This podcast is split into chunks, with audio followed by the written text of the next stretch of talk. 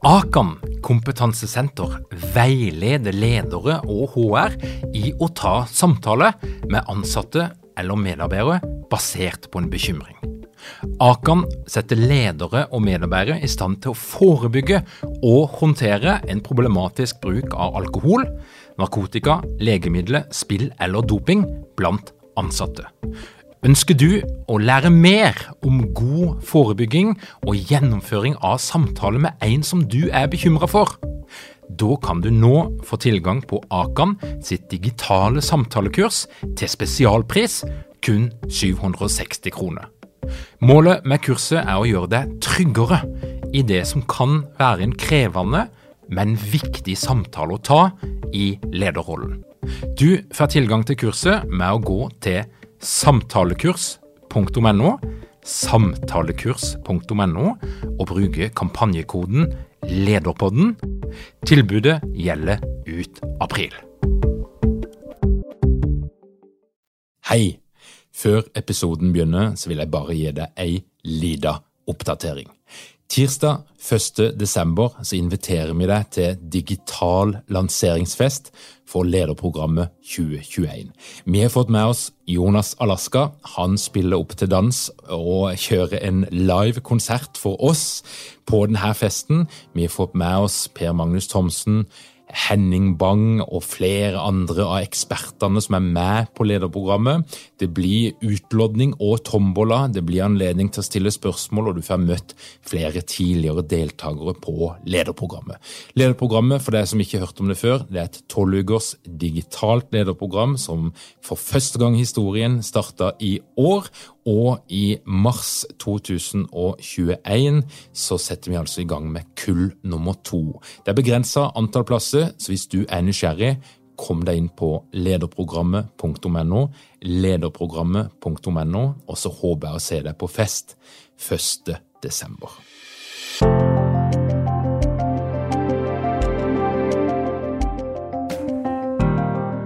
Hei! Velkommen til Lederpodden. Mitt navn er Tor Åge Eikerapen. Jeg jobber som organisasjonspsykolog og foredragsholder, og dette her er en podkast om ledelse. Hvis du jobber i en organisasjon, statlig, kommunal, det kan være egentlig eh, hvilken som helst sektor, og du har blitt utsatt for store endringer på jobb, så er sjansen ganske stor for at du har hørt en leder stå på et allmøte og si høyt at ingen vil miste jobben, alle vil beholde lønna si og pensjonsordningene, og så blir det presentert på en måte som at det er en forventning om at da skal alle nærmest applaudere endringer, og i hvert fall føle seg veldig motivert for å gå inn i alt det nye og ukjente. Og akkurat det lille feiltrinnet der har ødelagt mange endringsprosesser. Altså ledere som har en antagelse om sine medarbeidere at hvis bare de beholder jobben, og hvis bare de beholder den samme lønna og pensjonsordningene, så er alt i orden, og vi kan med glede gå inn i den nye tida. Der gjenger det galt, ofte, og det handler jo rett og slett om en manglende forståelse for hva er det som motiverer flinke folk? Og er det som driver oss? Og dette her blir jo da spesielt tydelig når vi skal gjennomføre store organisatoriske endringer. Og akkurat nå så er jo det situasjonen i mange norske virksomheter eller virksomheter over hele verden, nettopp at en må gjennomføre endringer som påvirker folk og som er helt nødvendige for å, å, klare å overleve, klare å beholde en posisjon, klare å komme seg videre.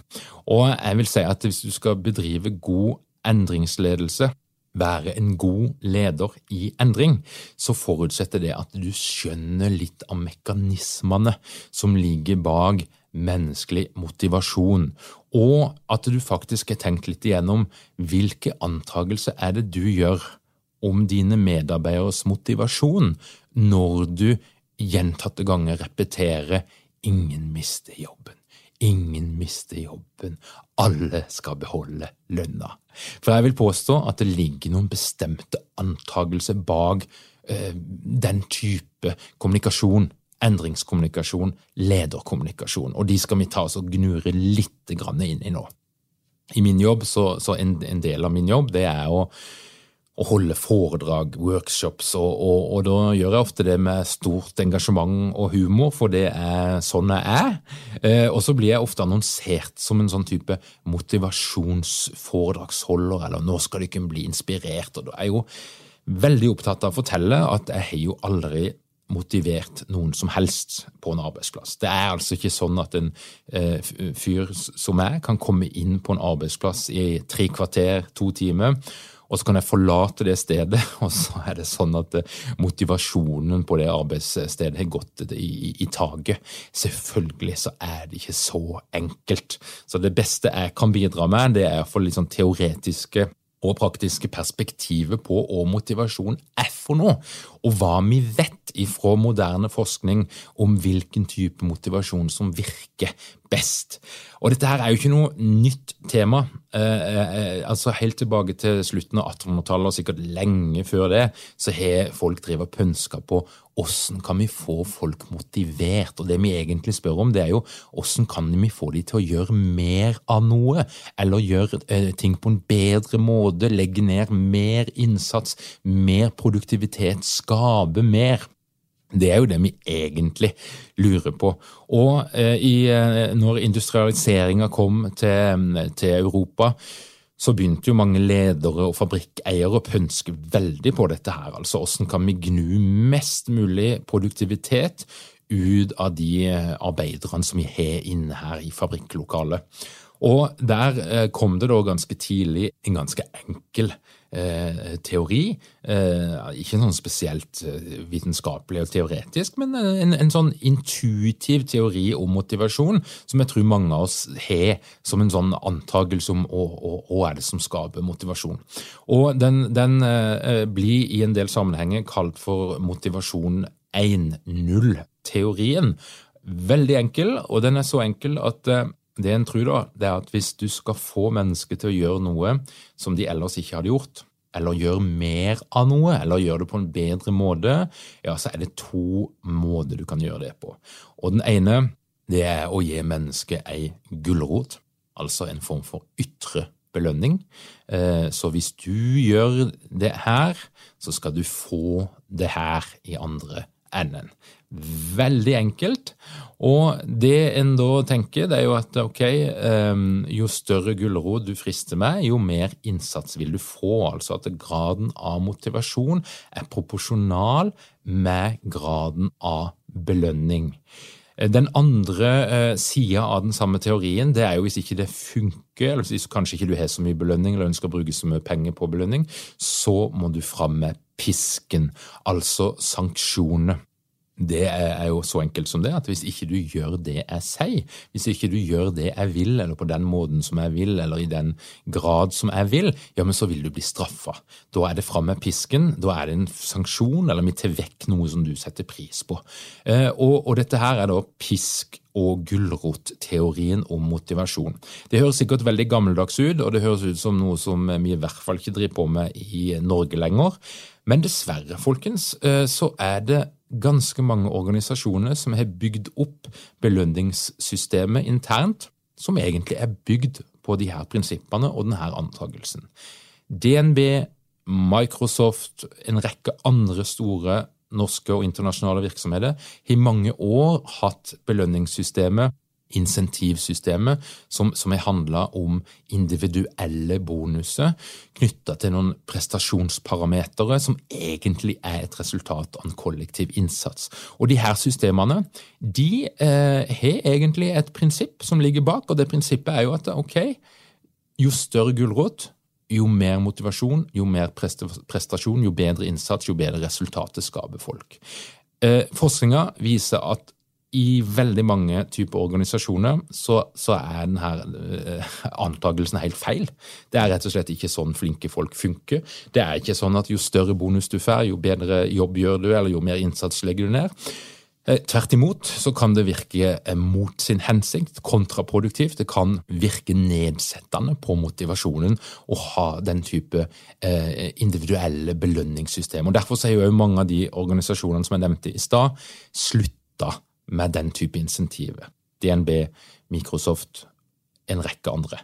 Fordi de ser på forskninga Eh, som er veldig tydelige på dette her, eh, at, at, det funker ikke helt. Det er en diskusjon der ute, og hvis du kunne følge med litt i Dagens Næringsliv, så er det litt ulike miljøer. Det der Bård Kuvås på BI han er en av de som da er på min side, kan jeg si det sånn. Og så er det andre som, som mener noe annet. Og det er forskning òg på norske organisasjoner. Men, men i hvert fall, motivasjon 1.0, en veldig enkel forståelse av hva, hva motivasjon er. Og Hvis vi, vi ser på, på, endringskommunikasjon og ledere som snakker høyt og lenge og mye om at ingen mister jobben, så ligger det jo en antagelse der òg. Og det ligger jo en antagelse da om at ok, hvis du er på denne arbeidsplassen, så er noe av det viktigste for deg det er å beholde jobben. Altså det å ha en jobb og ha en lønn. Og da er det jo en antagelse om at du ikke kan få det lett et annet sted. Altså at den, den, den viktigste grunnen til at du gjenger på jobb um, hver dag, det er at du i det hele tatt trenger en jobb, nummer én, og nummer to eh, lønna. Og, på mange av de her arbeidsplassene så er jo ikke dette her tilfellet. Altså Flinke folk kan få jobb andre steder. Flinke folk kan òg få økt lønn et annet sted. Og, og, og Derfor så bommer jo denne kommunikasjonen, for den treffer ikke på det som faktisk er viktig for de menneskene som det er snakk om. Det er en feilantragelse, en feilattribusjon om deres motivasjon for å være på nettopp den arbeidsplassen. Og Så skal jeg komme litt tilbake til hva jeg tror de er motivert av. Men vi må gå litt, litt mer igjennom altså utviklinga. Vi har Horton-eksperimentene. eh, som da viste at det å bli sett eh, i seg sjøl bidro til en eller annen form for produksjonsøkning. Om vi kan kalle det for motivasjon, men det var i hvert fall sånn at folk produserte mer og gjorde en bedre jobb når de ble sett på, overvåka. Eh, vi har òg Hersbergs eh, teori fra 1959 om hygiene og vekstfaktorer. Altså en teori som sier noe om at enkelte faktorer på en arbeidsplass må bare være på plass. Det er ikke sånn at det skaper noe mer motivasjon at de er der, eller at de er der på en bedre måte, men de må bare være der. Eh, du, du forventer å finne tørkepapir i dispenseren, og at eh, det skal være sånn lønna kommer på tida, og at de fysiske arbeidsforholdene er relativt ok. Du forventer det bare at det er på plass. Og Hvis ikke det er der, så skaper det demotivasjon. Men det er ikke sånn at du kan lesse på med masse ekstra, så kommer det mer. Men vekstfaktorer, det er noe Hersberg skriver om, og det er da de faktorene som faktisk skaper motivasjon, eh, og som bidrar til noen ekstra eh, og noe mer. Og, og, og der er han jo ofte inne på noen type interne faktorer, altså din opplevelse av jobben, eh, samholdet med de psykologiske faktorene. Og den mest kjente teorien om, eh, om, motivasjon, det er nok Maslows behovspyramide fra 1970. Men det viser seg å være en av de mest misforståtte teoriene om motivasjon. For eh, det vi da tenker på, det er jo denne pyramiden. Men eh, det er iallfall mange som hevder, jeg har ikke gått så nøye inn i, i skriften, det burde jeg gjøre, men, men jeg ser det veldig mange som hevder at Maslow sa aldri, skrev aldri, at det er en pyramide der du må ha det ene på plass før du kan få det neste. Altså at du må ha noen grunnleggende behov dekka før du da beveger deg opp mot toppen og på selvrealiseringa. Han mente med å skape et bilde at mennesket trenger alle de her tingene, og kanskje på litt ulike tidspunkt og ulike faser, men den her rene pyramidetenkninga, den er det altså noe som er blitt tillagt Maslow i ettertid. Det var ikke han som så sånn på det. Og det er litt viktig, for det, uh, jeg har ofte hatt noen sånne um, argumenter mot den teorien. For det at moderne arbeidstakere, i Norge i hvert fall, vi har jo veldig mange ting dekka eh, veldig kjapt. Og, og, og, det er liksom en del av standardpakka at vi nesten er klar for den toppen og selvrealiseringa fra start. Og så ser du òg at det er noen mennesker som, eh, som ikke bryr seg. Altså de eh, driter i, i de her eh, grunnleggende behovene. Det eneste de er opptatt av, det er selvrealisering, og de flytter rett opp der. Så det er mange måter å se denne teorien på, men Maslow sjøl har altså blitt tillagt en del meninger som han egentlig ikke hadde. Men en ting jeg kan si, da, det er jo at eh, Maslow Er ikke mange ledere uten trening eller utdannelse innen ledelse? Mangler dykken en felles kultur og praksis for ledelse? Ønsker dykken å være bedre rusta for fremtidig vekst og endring? Da kan et internt lederutviklingsprogram være en god investering. I Execu så er vi eksperter på å designe og gjennomføre bedriftsinterne lederutviklingsprogram. Hvis du ønsker å lære mer om hvordan vi kan hjelpe dykken til å få enda bedre ledere, ta og klikk deg inn på execu.no.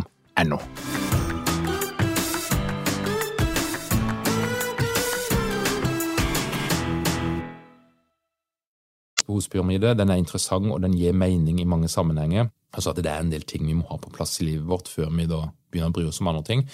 Men eh, hvis du skal være en leder eller en organisasjonspsykolog som skal gå inn og designe den perfekte organisasjonen, den perfekte lederatferden for motivasjon, så vil jeg påstå at Maslow ikke gir deg så veldig mye praktiske hjelpemidler eh, til å få det til.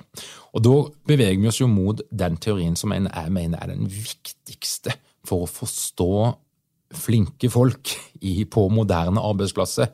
Og det er jo den teorien som, som, ligger til grunn egentlig når vi snakker om teal organization og agile team og alle de her nye begrepene som legger vekt på autonomi, så handler jo det i veldig stor grad om å rigge organisasjonen for å håndtere endring. Og det handler om å få fram det beste i folk gjennom å legge til rette for den såkalte indre motivasjonen. Og eh, Desi Ann Ryan de holder til med universitetet i Rochester, mener jeg, i New York State. Og de har i 30 år nå forska på motivasjon. Og eh, de eh, mener jo da at eh, kunnskapsarbeidere de er ikke nødvendigvis motivert av ytre belønning. Det betyr ikke at ikke folk vil ha lønn, men de mener det at flinke, kreative mennesker, der jobben handler om å skape løsninger, og, og eh, der, der, der, en må legge ganske mye av seg sjøl i jobben, eh, de er ikke nødvendigvis utelukkende motivert av ytre belønning. Altså, folk vil ha lønn, men idet du får den lønna som du regner med at andre får for ca. samme jobben, så begynner en del av motivasjonseffekten å stoppe oppe. Altså, Vi vil jo aldri si nei til mer lønn, det er veldig få som vil det.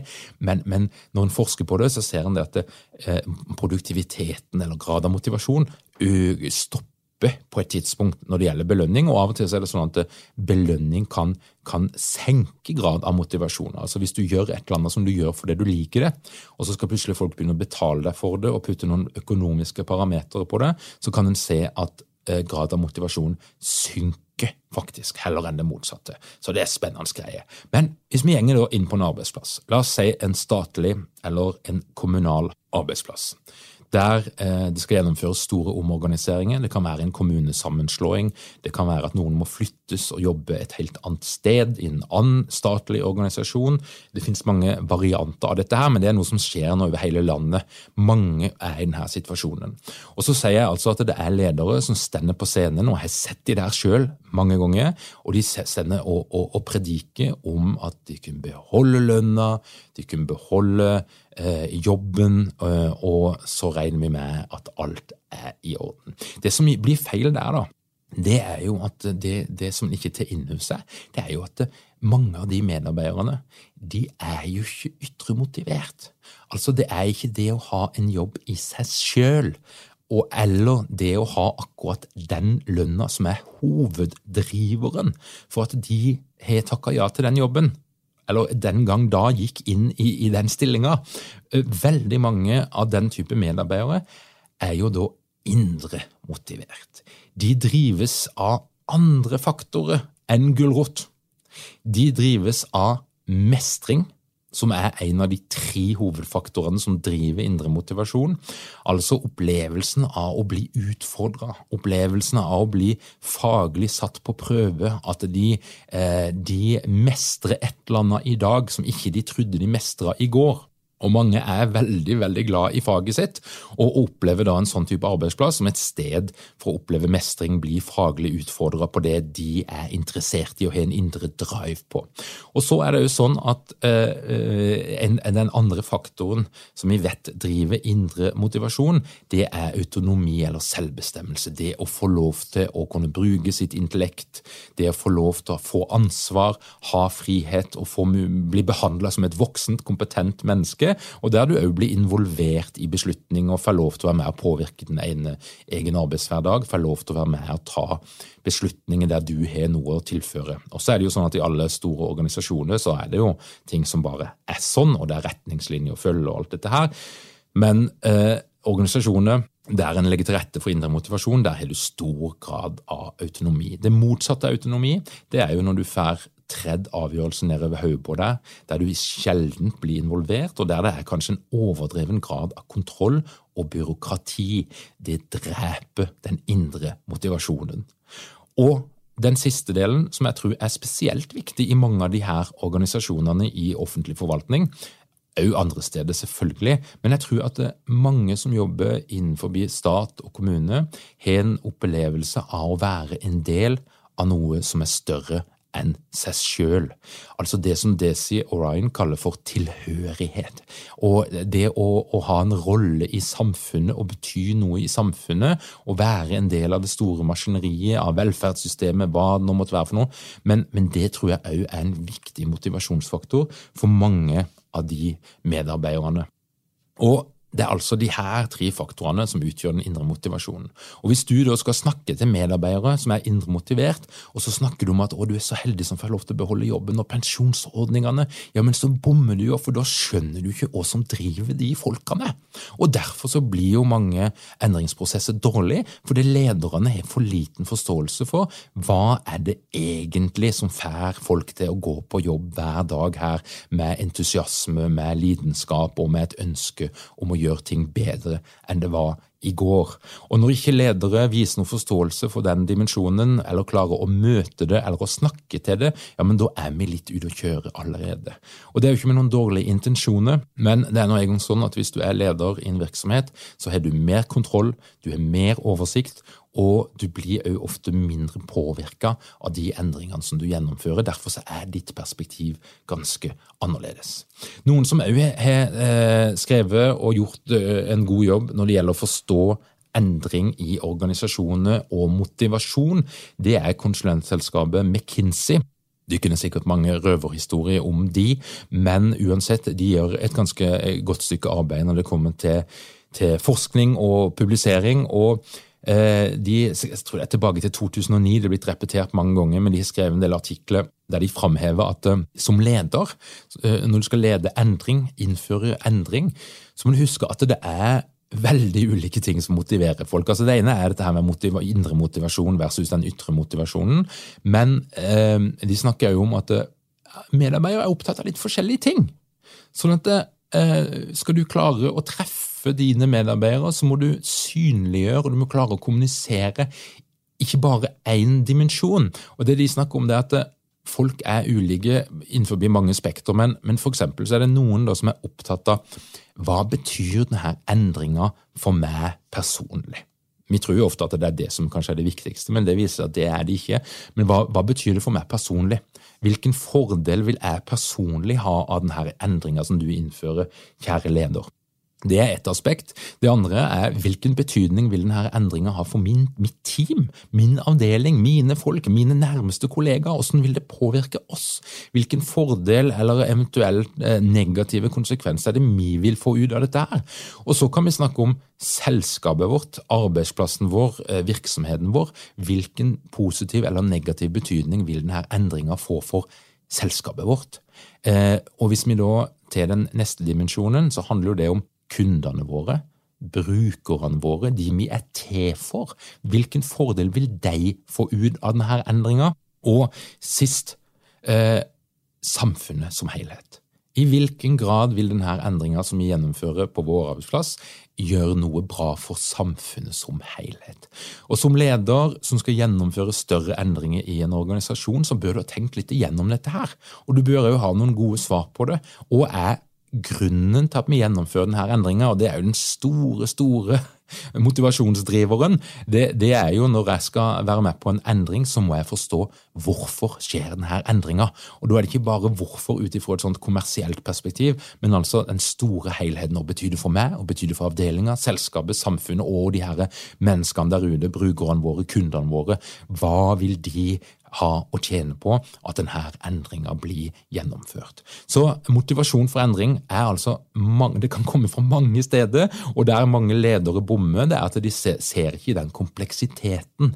Så de tar sitt eget perspektiv og tenker at det er det viktigste, og så setter de i gang å kommunisere og så sender de ut ganske mange feil signaler, som allerede der kan skape en stor grad av demotivasjon og motstand mot endringer. Og det vil alltid være motstand, men, men hvis du har tenkt igjennom de her tingene og jobba deg litt igjennom hva er det egentlig vi ønsker å fortelle for noe her, og er det egentlig som er budskapet, og er det egentlig denne endringa handler om Hvis du har gjort en god jobb der, så er det større sjanse for at du klarer å treffe folk, og faktisk eh, kanskje òg treffe den nerva som gjør at de eh, opplever et ekte engasjement for å bidra til at denne endringa faktisk skal skje.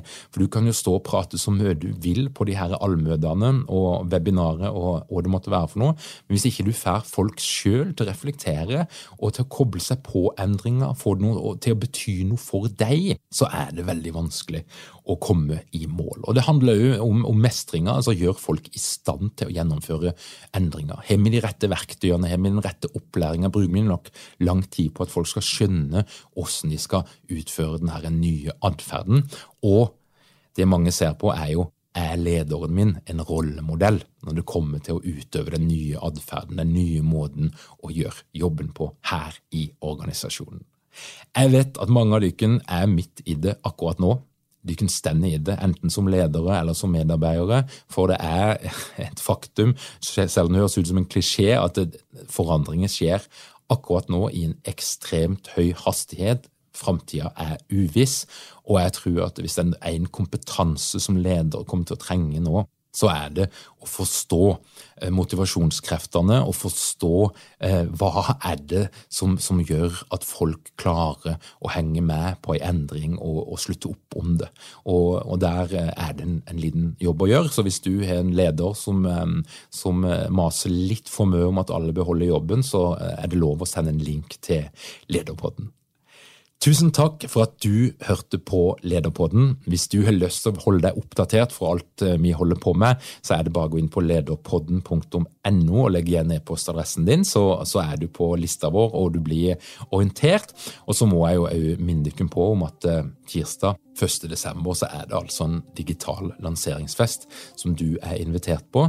Og der er det jo Jonas Alaska som da spiller opp, og så har vi med oss ekspertene våre. Vi skal ha premiere på en ny promofilm, eh, og vi skal presentere hele lederprogrammet 2021, som altså er et tolvukers digitalt lederprogram. Og du kan melde deg på festen på lederprogrammet.no. Hvis du liker det du hører, ikke vær flau. Rate oss gjerne på iTunes og overalt der det måtte være. Vi er nummer én på iTunes i liste i kategorien ledelse, og der har vi veldig lyst til å være. Og dette her er jo litt sånn underdog-greie. altså Dette her er et lite, eh, enkelt eh, Det er et aksjeselskap, men det er et company of one akkurat nå. Eh, og de vi konkurrerer mot, er jo store konsern som, som, som, som backer dette her, så det er, det er veldig kult at dykken hjelper oss å faktisk være på toppen i konkurranse med alle de her eh, svære aktørene i podkastverdenen der ute. Så tusen takk for det, og som sagt, hvis du kunne like det, så er det bare å dele i vei og kjøre på. Men igjen, tusen takk for at du hører på Lederpodden.